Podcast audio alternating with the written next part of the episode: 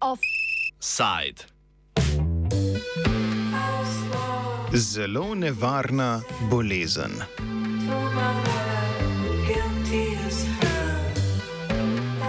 Poslanke in poslanci državnega zbora so potrdili novelo zakona o nalezljivih boleznih. Osnovni namen novo sprejete novele zakona je zlasti omejevanje vlade pri sprejemanju epidemioloških ukrepov, ki bi posegali v osnovne pravice državljanov. Predlog novele so pripravili v upravni mreži za varstvo demokracije že decembra lani, v zakonodajni postopek pa so ga koalicijski poslanci vložili pred dobrima dvema tednoma.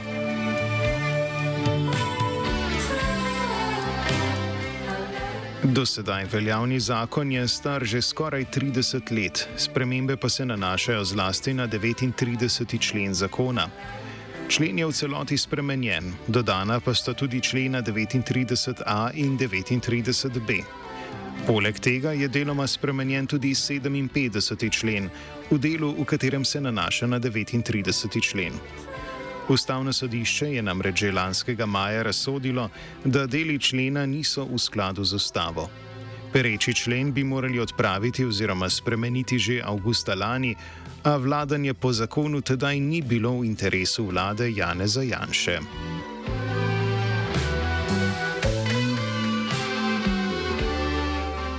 Več o razlikah med predlogom pravne mreže in potrjenim zakonom pojasni Katarina Brvar Strnat iz pravne mreže za varstvo demokracije.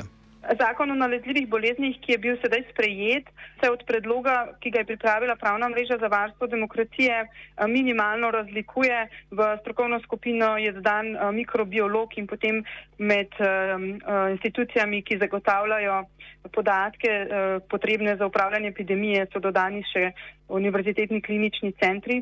Sicer pa predlog sprejet, sprejet zakon um, ohranja vse vsa varovala, ki smo jih na pravni mreži ugradili za to, da bi se v primeru ponovne epidemije na najboljši možni način varovale človekove pravice in poseganje posa, eh, države v, v te pravice, um, ki so v takšnih epidemijah lahko um, zelo občutljive in hitro so prekoračena um, ustavna pravila uh, pri upravljanju epidemije.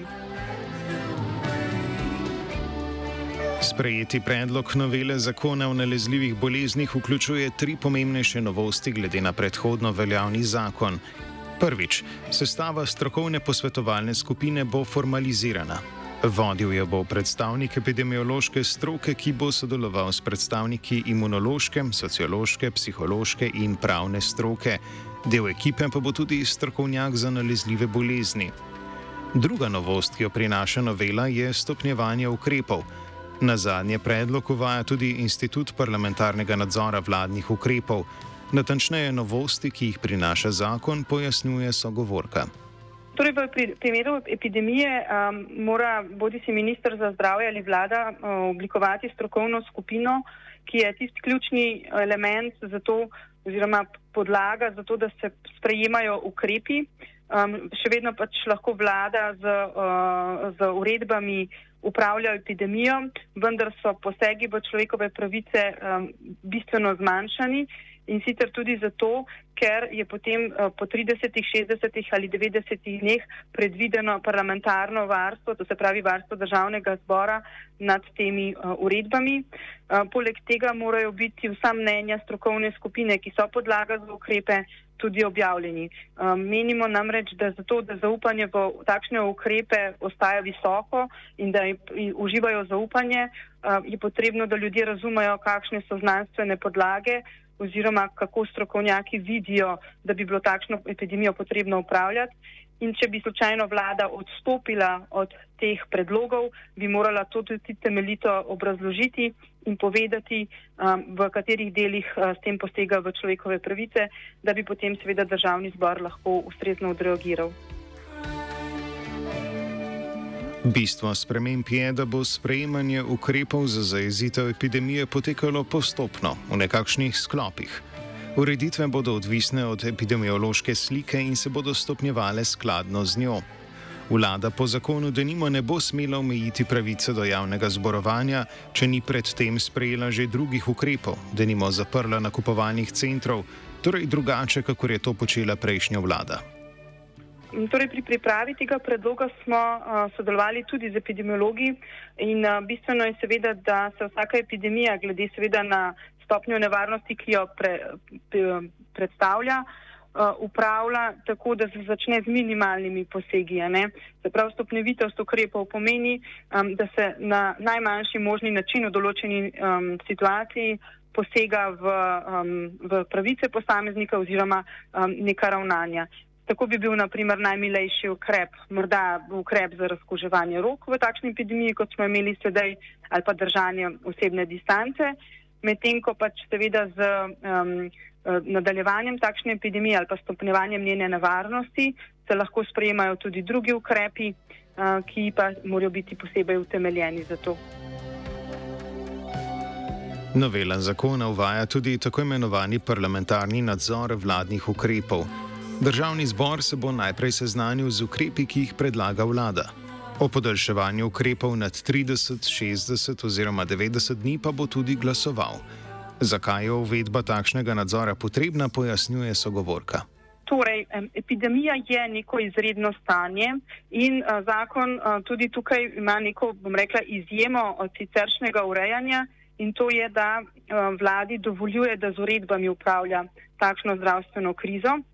In ker je pač bila to izjema, ki je že obstajala v zakonu, se nam je na drugi strani zdelo pomembno, da se vendarle vzpostavi ravnotežje um, z državnim zborom. Namreč um, v siceršnjih okoliščinah je lahko samo zakonodajalec tisti, ki posega v človekove pravice. Um, torej je um, predlog predvideval, da se po 30 dneh neke uredbe, ki ne, uh, ureja isto vsebino v državnem zboru, preveri, ali so ti posegi še dopustni ali ne. Um, in to se nam je zdelo eno izmed, um, bom rekla, pomembnejših uh, pravil v smislu varstva človekovih pravic, je pa seveda tudi novost. Sprejeti predlog zakona o nalezljivih boleznih ne prinaša drastičnih sprememb za posameznika, ampak omejuje zlasti samovoljo vlade, povdarja Janja Sluga iz Gibanja Svoboda. Um, mislim, tisto, kar jaz lahko izpostavim in kar se mi res zdi večkrat potrebno poudariti, je, da je ta strah uh, ljudi, kaj smo zdaj dodatno sprejeli, popolnoma odveč. Mi nismo ničesar dodatno sprejeli, pač pa smo, kot sem že rekla, v bistvu omejili vlado pred neko njeno samovoljo. Uh, torej, stroka bo tista, ki bo odslej imela glavno besedo, stroka bo povedala, kakšni ukrepi so potrebni in vlada, če slučajno uh, ne bi katerega koli predloga stroke um, v popolnosti sprejela, mora tudi zelo natančno povedati, uh, kaj, kako in zakaj se ni za to odločila. Vsa ta stališča stroke morajo pa tudi po tem predlogu biti javno objavljena, tako da je vsem vidno, kaj so dejansko strokovnjaki predlagali. Po mnenju sluge, amantmaji, ki jih je predlagala koalicija, bistveno ne posegajo v nobeno rešitev pravne mreže. Eh, tem amantmaji v resnici nič ne, odda, ne dodajajo vsebinskega, eh, pač pa so samo odgovor na pripombe zakonodajno-pravne službe državnega zbora, ki je upozorila na nekatere nomotehnične zadeve, na nekatere nedoslednosti, nekatere uskladitve besedila in tako naprej. Tako da v bistvu, kar se vsebine tiče, ti amantmaji niso ničesar spremenili. Kljub temu, da so zakon v zakonodajni postopek uložili koalicijski poslanci, pa novela zakona ni prejela podpore vseh predstavnikov koalicije.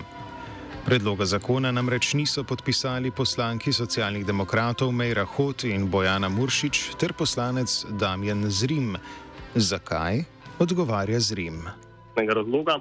To je prvič, ker me je zmotilo, da smo zakon sprejemali po skrajšanem uh, postopku, torej brez javne razprave, sej zakon v javnosti ne uživa neke velike podpore.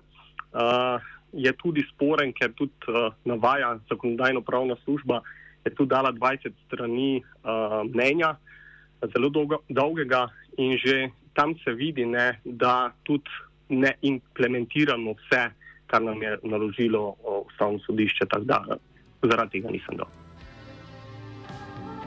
Nasprotniki epidemioloških ukrepov so podarili, da je novela zakona nekoliko drugačen zapis istih posegov v svobodo posameznika, s katerimi smo živeli v obdobju med letoma 2020 in 2022.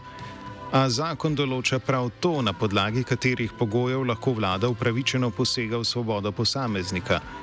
Če sta nasprotnike vladnih ukrepov pod prejšnjo vlado združevala prav arbitrarnost in rokohitrstvo sprejemanja odlokov, bo isto arbitrarnost nove vlade, novi zakon, vsaj delno omejeval.